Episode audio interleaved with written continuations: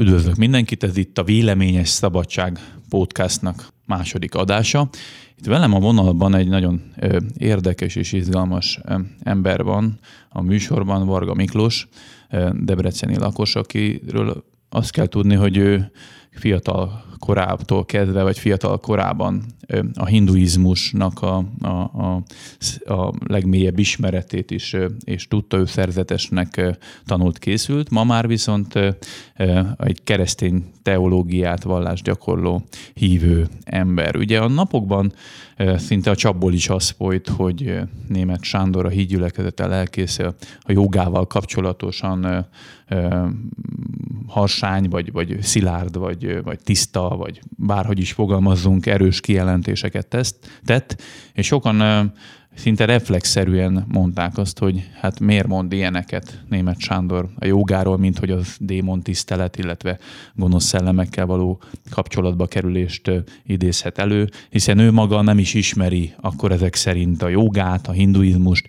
és mint nem szakértő miért fogalmaz meg ilyen állításokat. Nyilván ezzel, is, ezzel kapcsolatban is lehetne vitatkozni, mi mégis most felkerestünk egy olyan szemét, aki viszont, ha úgy tetszik, tényleg mélyen ismeri ezt az oldalát a jogának és a hinduizmusnak, és hát akkor a vendégemet köszöntöm itt a vonalban, Varga Miklós, szervusz!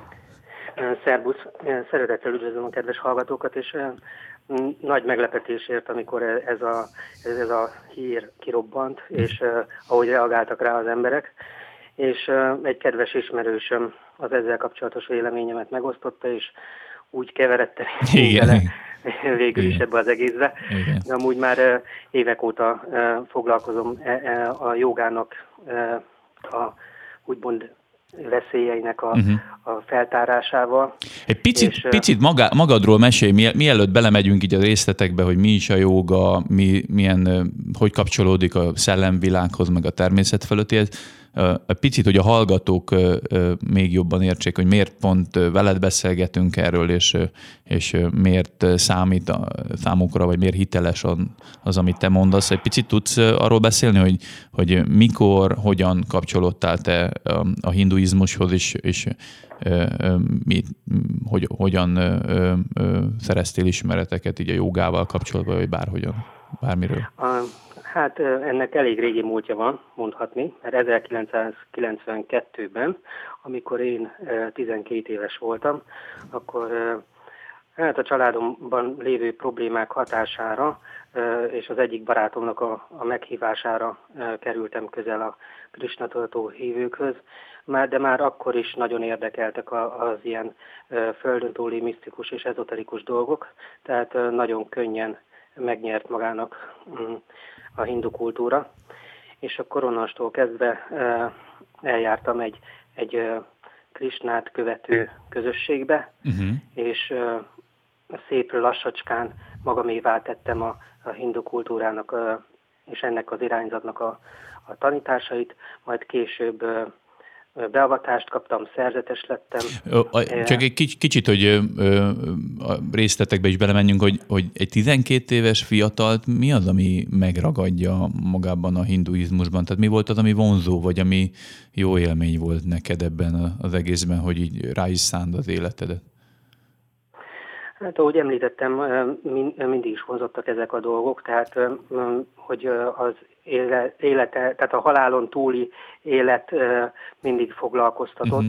Uh-huh. Továbbá, amikor találkoztam a, magával a közösséggel, akkor egy nagyon egzotikus kultúrával is találkoztam, mert ők nem csak, hogy jogáznak, hanem egy egész életmódot is folytatnak, amihez uh-huh. hozzá kapcsolódik a, az étkezés, a fűszerek, a mm, tehát ehhez hasonló dolgok, uh-huh. és meg az a színes kultúra, amit ők képviselnek, a, az erőszak nélküliség, uh-huh. és ezek voltak azok a jelmondatok és tényezők, amik engemet igazán ebben megfogtak. És mondtál egy ilyet is, hogy, hogy akkor elérkeztél egy ilyen beavatáshoz. Ez, ez mit akar ez a beavatás vagy, vagy felkészítés?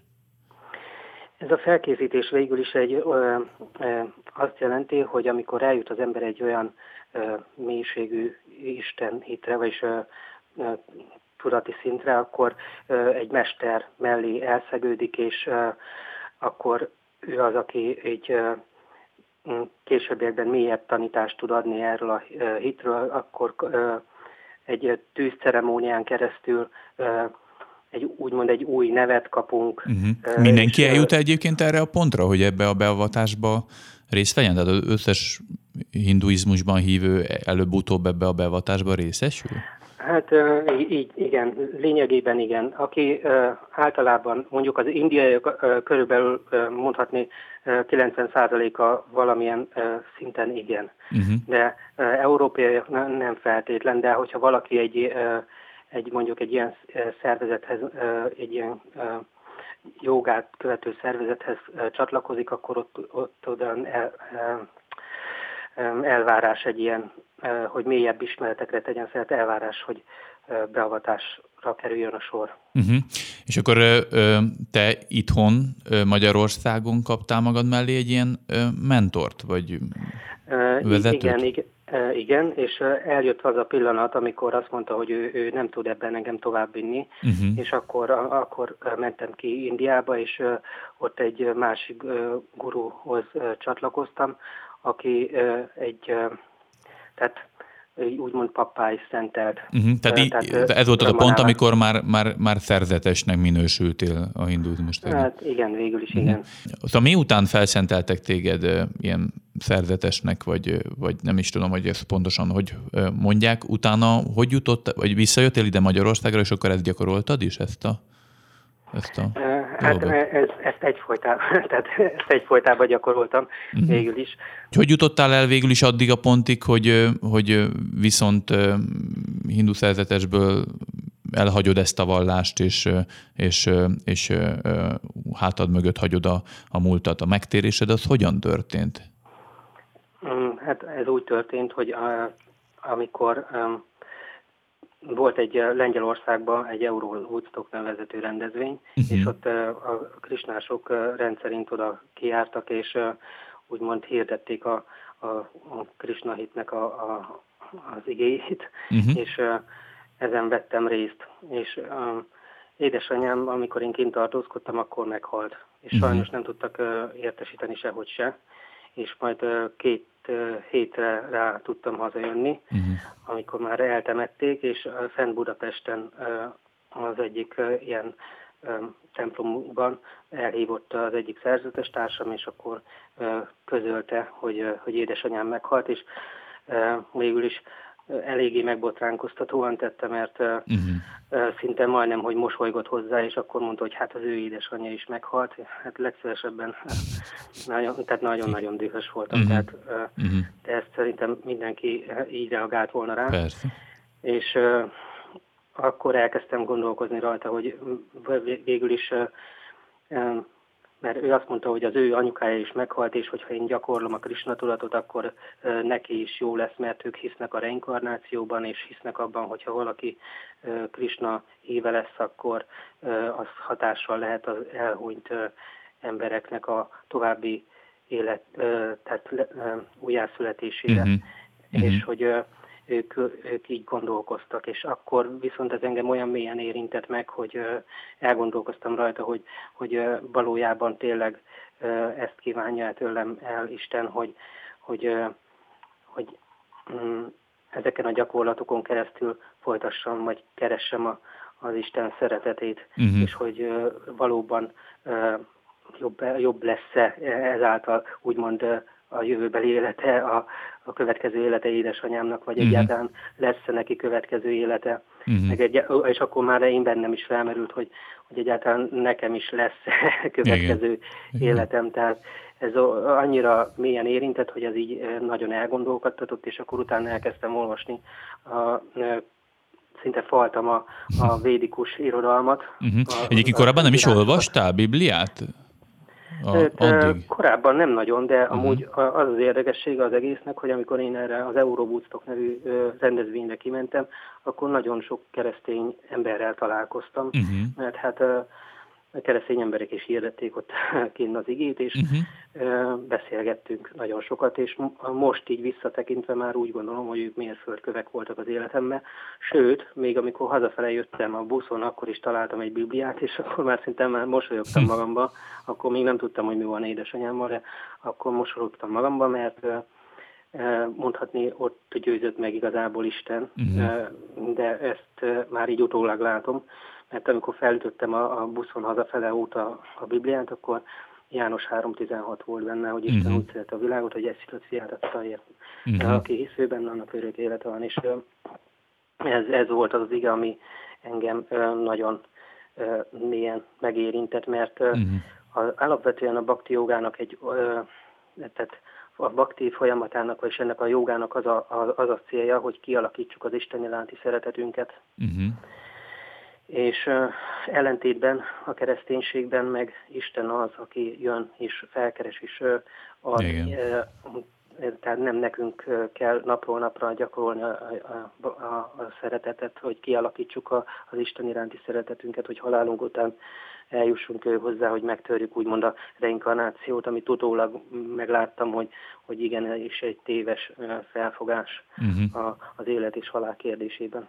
Tehát itt elkezdett falni a biblikus irodalmat azután, miután egy picit hogy mondjam, csal- csalódtál? Az, az, az biztos, tehát először elkezdtem falni a hinduként a hindu irodalmat, és próbáltam felkeresni azokat a támpontokat, amik esetleg abban segíthetnek nekem, hogy, hogy megvigasztalódjak, hogy reményt uh-huh. kapjak, egy szilárd reményt kapjak, ami, amit nem kell nap mint nap feltölteni, mert számomra úgymond uh-huh. ez a Krisnaturat olyan volt, mint egy, mint egy töltős elem. Tehát mindig lemerültél, és mindig fel kellett töltődnöd. Uh-huh. Így van, így van, így van. Tehát mm, és akkor a végén, tehát most, hogyha csak a példára tekintünk egy elemet is, hogyha használsz, akkor feltöltöd, lemerül, feltöltöd, lemerül, és akkor ezt mindaddig tudod csinálni, ameddig az elem kéne, végleg kéne merül, és eldobjuk. Igen. És Igen. Uh, uh, ilyen, ilyen a joga, jogának, joga ezen folyamatának uh, végeredménye is. Uh-huh. Uh-huh. És amikor úgymond elkezdtem falni a, a Bibliának a sorait, akkor mindig azzal szembesültem, hogy mindig Isten szeretetével szembesültem ellentétben azzal, azzal a passzív istenképpel, amit a hinduizmusban találtam. Uh-huh. Hogy, hogy Isten mindent áthat, de minden Isten, de attól független, tehát egyszerre mindenben jelen van, és mégis független tőle.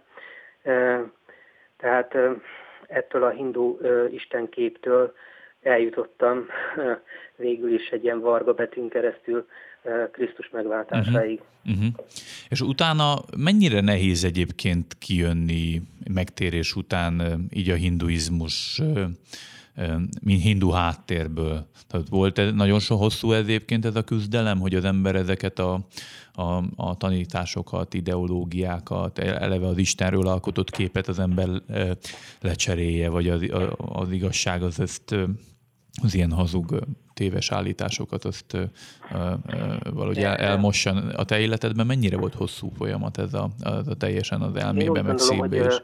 hogy ez olyan dolog, megint csak, én mindig csak ilyen példákon keresztül tudok megmagyarázni uh-huh. dolgokat, vagyis remélem, hogy a hallgatóságom Abszolút. is meg, megérti, hogy számomra ez tehát egy olyan dolog, mint amikor a szobrász neki áll egy márványnak, és akkor elkezdi csinálni, és a szobrász sem egy pattintással hozza létre a, a, a művet, hanem először lemorzsolja róla, vagy lepattintja a nagyobb darabokat, és akkor egyre jobban alakul ki a kép, a, szó, a szobor, és ilyen volt az én életemben is Isten, amikor elkezdett munkálkodni, hogy voltak olyan megkötözöttség, amiket okozott a, ez a joga folyamat, uh-huh. amelyek szó szerint bet, bet, fizikai és szellembetegségeket okoztak a mhm. részemre. Uh-huh. Tehát fizikai és, betegség is járt ezzel? Így, így, van, így van, így van. E, erről fizikai... tudsz részletesebbet mondani, hogy milyen betegség járt ezzel? Vagy... Tehát először mindig tehát mentálisan kezdődtek uh-huh. a dolgok. Uh-huh. Amikor már tényleg úgy, úgy azt tapasztaltam, hogy nem a, saját, nem a magam ura vagyok, uh-huh, uh-huh. szó szerint majdnem, tehát ilyen pszichés problémáim voltak, uh-huh, uh-huh. meg láttam dolgokat, láttam szellemeket, uh-huh befolyásoltak, meg olyan dolgokat is megcsináltam, amit nem kellett volna. Uh-huh. Tehát akkor mond, csak, hogy visszakanyarítjuk. volt olyan, hogy uh-huh. neki mentem telefonfülkének fejjel, tehát uh-huh. szó szerint. Uh-huh. És amikor úgymond magamhoz tértem, akkor, akkor láttam, hogy testi problémám van. Igen, és igen. egy kívülálló, vagy egy, egy, egy, egy hétköznap, mert azt mondaná, hogy ez egy őrült. Uh-huh, uh-huh. Mostanra ezek szépen el, eltűntek, uh-huh. és átalakultak. Uh-huh. Tehát, hogy abszolút megszűntek. Uh-huh. Tehát akkor csak, hogy visszakönyörítjünk most a jelen pillanathoz. Ugye most a, a, a botrány, a, most a közbeszédben arról szól, hogy nagyon sokan úgy hiszik, hogy a, a jogázás ez egy egészséges életmódnak az egyik válfaja, maga az európai színezetű vagy, vagy formája a jogának az egy igazából egy ilyen, ilyen életmódbeli szokás vagy tradíció, hogy az ember egy jót nyújt, vagy tornázik, és akkor egy picit az önuralmat, meg önfegyelmet gyakorolja is. Ugye ezzel szemben mondta az egyik hídgyülekezete Isten tiszteleten német Sándor, hogy nagyon vigyázni kell a jogával, mert az egy nem egészséges dolog, tehát nem a, az egészséges életmód része, hanem az ember különböző szellemi lényekkel kerül ilyenkor kapcsolatba, ahogy amúgy a hinduizmus ezt tanítja is, és igazából ez egy ilyen démon tisztelet is egy bizonyos szinten, tekintve, hogy a démonokat hívjuk általában gonosz szellemi lényekkel azonosítjuk, és hogy ezért mondta azt, hogy ezek nem jó szellemi lények, hanem rosszak, és hogy, hogy az ember ezeknek a befolyása alá kerülhet. Akkor tulajdonképpen mondhatjuk azt, hogy a te élettapasztalatod, akár a, a fejjel a telefonfülkének menés, akár a, a, az öntudatlan cselekvés, akár az ilyen pszichés zavarok, azok, azok tulajdonképpen ezt bizonyítják, hogy ez, ez az állítás, amit mondott a, a, a Sándor, akkor ez az te életedben megvalósult, és tényleg így történt. Így van, így van. Én azt mondom, hogy attól függetlenül nem minden, ki, tehát nem minden hindu gyak, aki a hinduizmus gyakorolja, nem mindenki fog neki menni a telefonfülkének. Tehát ez mindenkinél másképp nyilvánul meg. Ez nagyon-nagyon sok mindentől függ. Az, hogy milyen irányzatot gyakorol, ő milyen ö, ö, elkötelezetten gyakorolja ezt a dolgot, ki az ő tanítója. De alapvetően én úgy látom, hogy amit itt Sándor megfogalmazott, az, az, az még egy laikus megfogalmazásban is teljesen megállja a helyét, és ez nem a, kifejezetten a Sándornak a, a, a véleménye, hanem a Biblia Istenének a véleménye, ami Igen. Ott, ott elhangzott. Igen. És azt tudni kell, hogy a, a magának a hinduizmusnak nagyon-nagyon sokféle ága van és irányzata van. A, tényleg vannak olyanok, amik kifejezetten a testi gyakorlatokra, tehát ilyen ászanákra, hogy ezeket hívják, azokra uh-huh. helyezik a hangsúlyt. Aztán van ennek egy olyan része, amikor ilyen meditációs mantrás, mantra gyakorlatokat használnak, uh-huh. de végül is mindegyiknek ugyanaz a célja, hogy egy kiüresítsék a tudatot, és a, annak a, az ürességnek úgymond a helyébe egy, egy egy spirituális kapcsolatot építsenek ki uh-huh. a, a szellemvilággal, tehát amit bizonyos irányzatokban neveznek úgy is, hogy a, a Brahmannal és a Brahmannal való kapcsolódás, vagy a nirvánába olvadás, tehát mind-mindnek az a lényege, hogy felsőbb hatalmakkal kerüljenek kapcsolatba, és az a baj, hogy itt a nyugati jogik úgymond, vagy kétféle variáció van, vagy az van, hogy, hogy, hogy igenis tudják ezt a dolgot, és nem beszélnek annyira róla, uh-huh. vagy, vagy elbagatilizálják ezt a dolgot,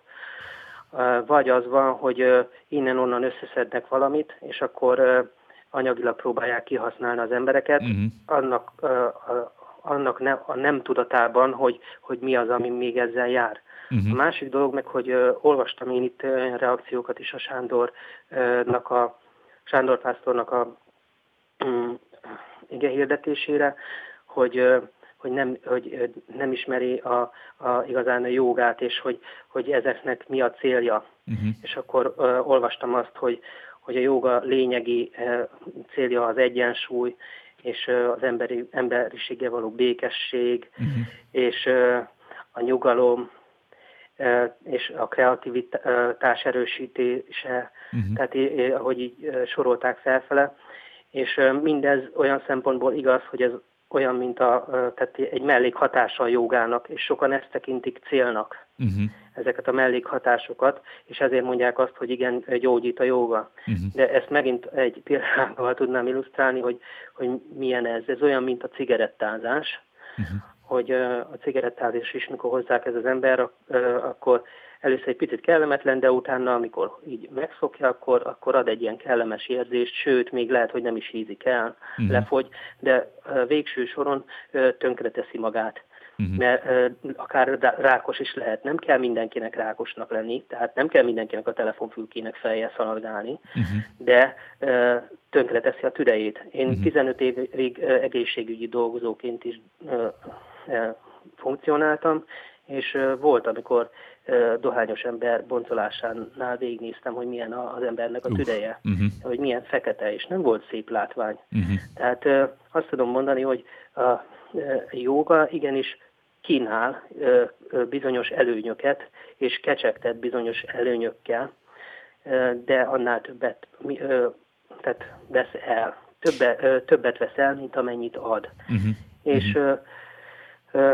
Ezek a alapvetően ezek a testi mozgások is, hogyha azt nézzük, ezek a jóga gyakorlatok is, igazából, hogyha mélyen valaki utána néz, ezek tényleg egy e, e, indiai isteneknek való e, hódolat, uh-huh. úgymond. Tehát uh-huh. a nap, nap imádása, tehát e, van egy ilyen pózis kifejezetten, uh-huh. hogy, hogy a nap póz, és akkor azt elveszik. Tehát uh-huh.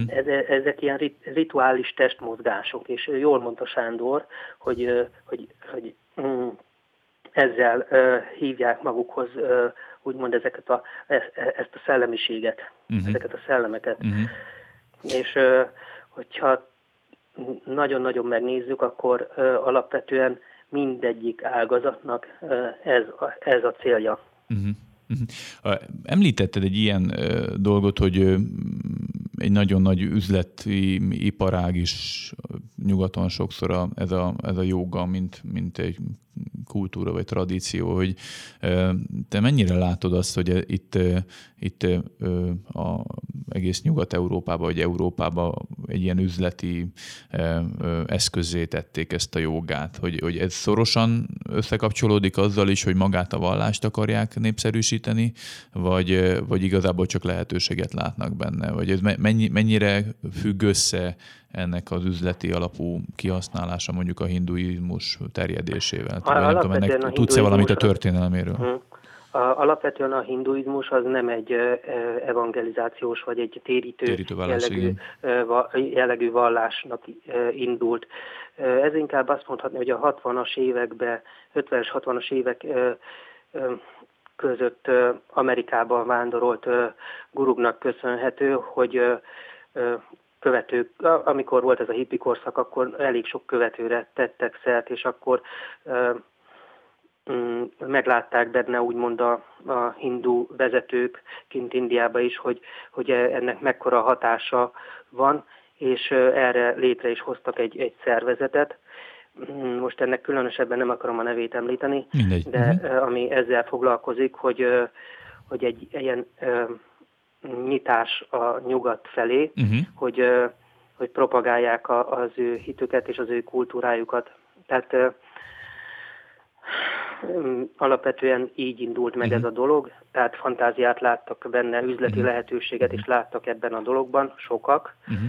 És ezt úgymond kihasználták. Mennyire lepődtél meg egyébként azon, hogy, hogy most egy ilyen bibliai igazságot ki van mondva amúgy egy egy belső Isten tiszteleti körben, és tulajdonképpen most Magyarországon szerintem nincs ember, aki az internetet használja, és ne találkozott volna már ezzel a kérdéssel, ezzel a jóga botrányjal, ha úgy tetszik. Hogy ennyire mindenkit érint, és mindenki harciasan kiáll mellette, Sebestyén Balázséktól kezdve a zenészeken keresztül, influencereken át a, az újságírókig, mint hogyha mindenki egy kényszert érezne, hogy akkor most ő ebben állás foglaljon. Holott én bevallom őszintén, eddig én azt hittem, hogy jó-jó népszerű a joga Magyarországon, de azért, azért hogy mindenkit ennyire közvetlenül ez ilyen sértve ériz, érintsen, az, az nekem furcsa volt.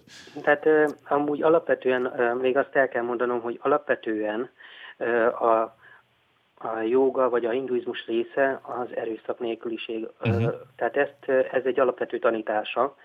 Viszont gyakorlatban ez nem teljesen mutatkozik meg, de oké, okay, érheti a kereszténységet is vált, hogy annak idején még, még történtek, tehát hogy a kereszténység nevében is mennyi embert kiírtottak, de én most én nem vonnék ezzel párhuzamot, igen, mert igen. Ez, ez, ez teljesen másod. Én úgy gondolom, hogy a, a hinduizmusban, hogyha végignézünk a történelmén, maga a hinduizmus szentírása is, a, a egyik legfőbb szentírása, a Bhagavad Gita is egy harcmezőn született meg. Uh-huh. Tehát uh-huh hogyha esetleg a keresztényeket azzal vádolják, hogy a, a hinduizmus, a, vagy a keresztény kultúra az egy erőszakos térítő vallás, vagy háborúzik, és nem a békességre törekszik, és hogy vádol mindenkit, akkor ezt nyugodtan lehet nekik említeni, hogy a, a maga a, a hindu szentírás és az, egyik hindu szentírás, a Bhagavad Gita is csatatéren született. Sőt, hogyha megnézzük a mai kor hindu kultúrájában is, amikor mondjuk egy keresztény, vagy mondjuk egy ottani hindu ember felismeri Krisztusban a megváltót, de és még nem is hirdette az igét, csak elmondta esetleg barátainak, akik hinduk, akkor akár még az életével is fizethet uh-huh. érte. Pont ezért ezt, ezt akart, erre is rá akartam kérdezni, mert ugye most itt számomra tényleg egy, egy az abszurditás csúcsát jelentette, hogy még, még az indiai nagykövetség is megszólalt ebben az ügyben, hogy jogi és diplomáciai lépéseket fontolgat arányosan azzal kapcsolatban, hogy 1,4 milliárd embernyi kultúrát megsértett itt Kőbányán egy Isten tiszteleten egy prédikátor. De nekem egy picit ilyen sokkolóan furcsa, hogy egy, egy államnak a hivatalos testülete, diplomáciai küldöttsége is ennyire hiperérzékenyen veszi azt, hogy amúgy egy másik vallás, ami szükségszerűen elkülöníti magát a többitől, és szellemi, spirituális témákat megítél a szólás és vélemény és vallásszabadságnak a emberi jogával élve. És érdekes, hogy pont Indiától érkezik egy ilyen Ilyen egészen érdekes, furcsa hogyha jó lenne, hogyha kiállás. mindenki úgymond a, egy kicsit a saját háza táján sepregetne. Igen, ezt akartam mondani. Tehát először ott kellene körbezni, hogy mennyire érvényesül ez a, a himsza, és Igen. szeretett közösség, úgymond. És én úgy gondolom, hogy az embereknek úgy, tehát jogában áll sajnos, hát nem is sajnos, de jogában áll az embernek a jó vagy a rossz mellett döntenie. Igen. Igen. Te, te most, a, most hallgat bennünket valaki, aki, mély, aki mélységesen felháborodott német Sándor szavain, vagy, vagy, vagy jogázik, és nem érti, hogy ő, ő már egy jó ideje új jogázik, és semmi ilyet nem tapasztalt, és nem érzi magát, és neki segített, és ő úgy érzi, hogy ez helyre rakta az életét, és a többi. Ő neki mit tudnál üzenni, vagy mit tudnál mondani, hogy, hogy mi, a saját tapasztalataival szemben mégis miért vigyázzon ezzel a, a, a életvitellel? Hát én a, a, azt tudom mondani, hogy előbb vagy utóbb úgy is kibújik a szög a zsákból. Tehát kinek hosszabb, kinek kevésbé hosszabb idő múlva. De én azt tapasztaltam, hogy vannak olyan típusú emberek, akiknél, hogyha nem is jönnek elő ezek úgymond ezek a rossz, rossz hatások, de hordozóvá válnak ennek a szellemiségnek. És tehát úgymond arra vannak használva, ezek által a szellemek, vagy befolyá, arra van használva ezáltal a befolyásoltság által, hogy, hogy, hogy más embereket nyerjenek meg uh-huh. ennek. Uh-huh. Tehát nem mindenki fog megőrülni, vagy megzakani. Én ezeket általában úgy szoktam nevezni így magamból, hogy ők azok, akik hordozók, vagy mm. egy, volt egészségügyi dolgozó.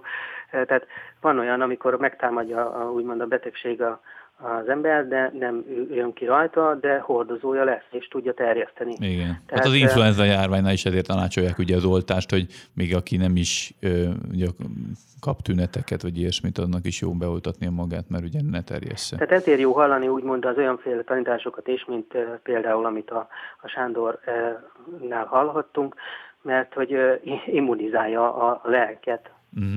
Igen. Igen. De, és vagy a beteg, vagy ráállít úgymond a gyógyulás útjára. Igen. Tehát sajnos ez, ez egy olyan dolog, hogy, hogy amikor valaki a gyógyulás útjára lép, akkor az, az fájdalmakkal jár. Igen. De lehet, hogy valaki annyira beteg, hogy nem éli túl, tehát ez mindenkinél e, e, egyéni módon fog lecsapódni. Én csak azt tudom mondani, hogy legyünk egy kicsit óvatosabbak, körültekintőbbek, hallgassuk meg azokat, akik úgymond tapasztaltak ebben a dologban, vagy nézzük meg azt, hogy mit mond a, mondjuk a Biblia Isten és ezzel kapcsolatban. Én elvégre csak nyugati emberek vagyunk, és nézzünk mi is körbe itt a házunk tájéken, hogy mi van. Igen, abszolút, és hát ahogyan bennem bevallom őszintén, hogy a, a tegnapi nap feljött egy picit a Pálapostolnak a, a, az aténi szolgálata így, így az emlékeimben, meg a nyilván a bibliaolvasó emberként ez jutott eszembe akkor, amikor ugye ő Aténba megy és látja, hogy milyen sok szellemi lényt tisztelnek, vagy, vagy, vagy szobrot állítanak nekik, és, és ezzel foglalkoznak, és ugye ő arra azt a megoldást adja, hogy ő egy olyan Istent hirdet, aki, aki mindenek felett való, és ő az igaz Isten, aki tényleg odaadta az életét az emberekért, és úgy szerette a világot, hogy, hogy megmentette őket, és ezt egyik más istenségről se lehet elmondani, és épp ezért arra bátorít mindenkit, hogy térjen meg, és, és forduljon ehhez az Istenhez. Lenne egy tanácsom a keresztény testvéreimnek is amúgy, no. hogy, hogy az lenne a tanácsom, hogy ne vitatkozni akarjanak feltétlen a hinduizmussal, mert lehet, hogy én vagy olyanok, akik mondjuk kijöttek ebből, fel tudják venni a kesztyűt, hanem ar- arról tegyenek bizonyságot, amit a, a Krisztus az ő életükbe véghez vitt. Mert az fogja, a, a, az fog élet az fog másoknak az életében igazi változást Igen. hozni. Igen. Tehát én meggyőzhetek bárkit arról, hogy, hogy nekem igazam van a hinduizmusban, hogyha egy kicsit négy szem közt mélyebben leülnék egy, egy hinduval, lehet, hogy akár meg is tudnám győzni az igazamról, de ha én győzöm meg, akkor jön egy, egy másik is, az is meggyőzi. Igen. mindenkinek azt kívánom, hogy az Isten lelke győzze meg Igen. az ő igazságáról, mert az maradandó fog maradni, és az, az nem fog változni. Így van. Nagyon köszönöm Miklós, hogy a rendelkezésünkre álltál itt a podcast műsorunknak a második eh, részében arról beszélgetünk Varga Miklósról, aki eh, annak idején még eh, hindu szerzetesként is működött, de azóta már megtért, és, és a Biblia Istenében hisz. Ő bele beszélgetünk a mostani joga botrányról. Nagyon köszönöm, hogy itt voltál velünk a, a vonalban. Én nagyon örülök. És, és a... És uh, szeretném meg, meg még a hallgatóknak annyit mondani, hogy uh, hogyha bárki esetleg uh, nem érte velem egyet, vagy egyet ért velem, nyugodtan megkereshetnek, megtalálhatnak. Uh, akár azt is megtehetjük, hogy nektek elküldöm az elérhetőségemet, és akkor kérdezhetnek nyugodtan akár privátban is. Rendben, akkor ezt, akkor ezt az ajánlat él, aki ezt a podcast műsort hallgatja, és esetleg kérdése vitatkozni kíván, vagy csak keresi a, a, a kérdéseket, a, vagy a válaszokat a kérdéseire, az nyugodtan keresse meg bennünket, és mi összekapcsoljuk őt Miklóssal. További jó podcast hallgatást kívánok mindenkinek. Sziasztok!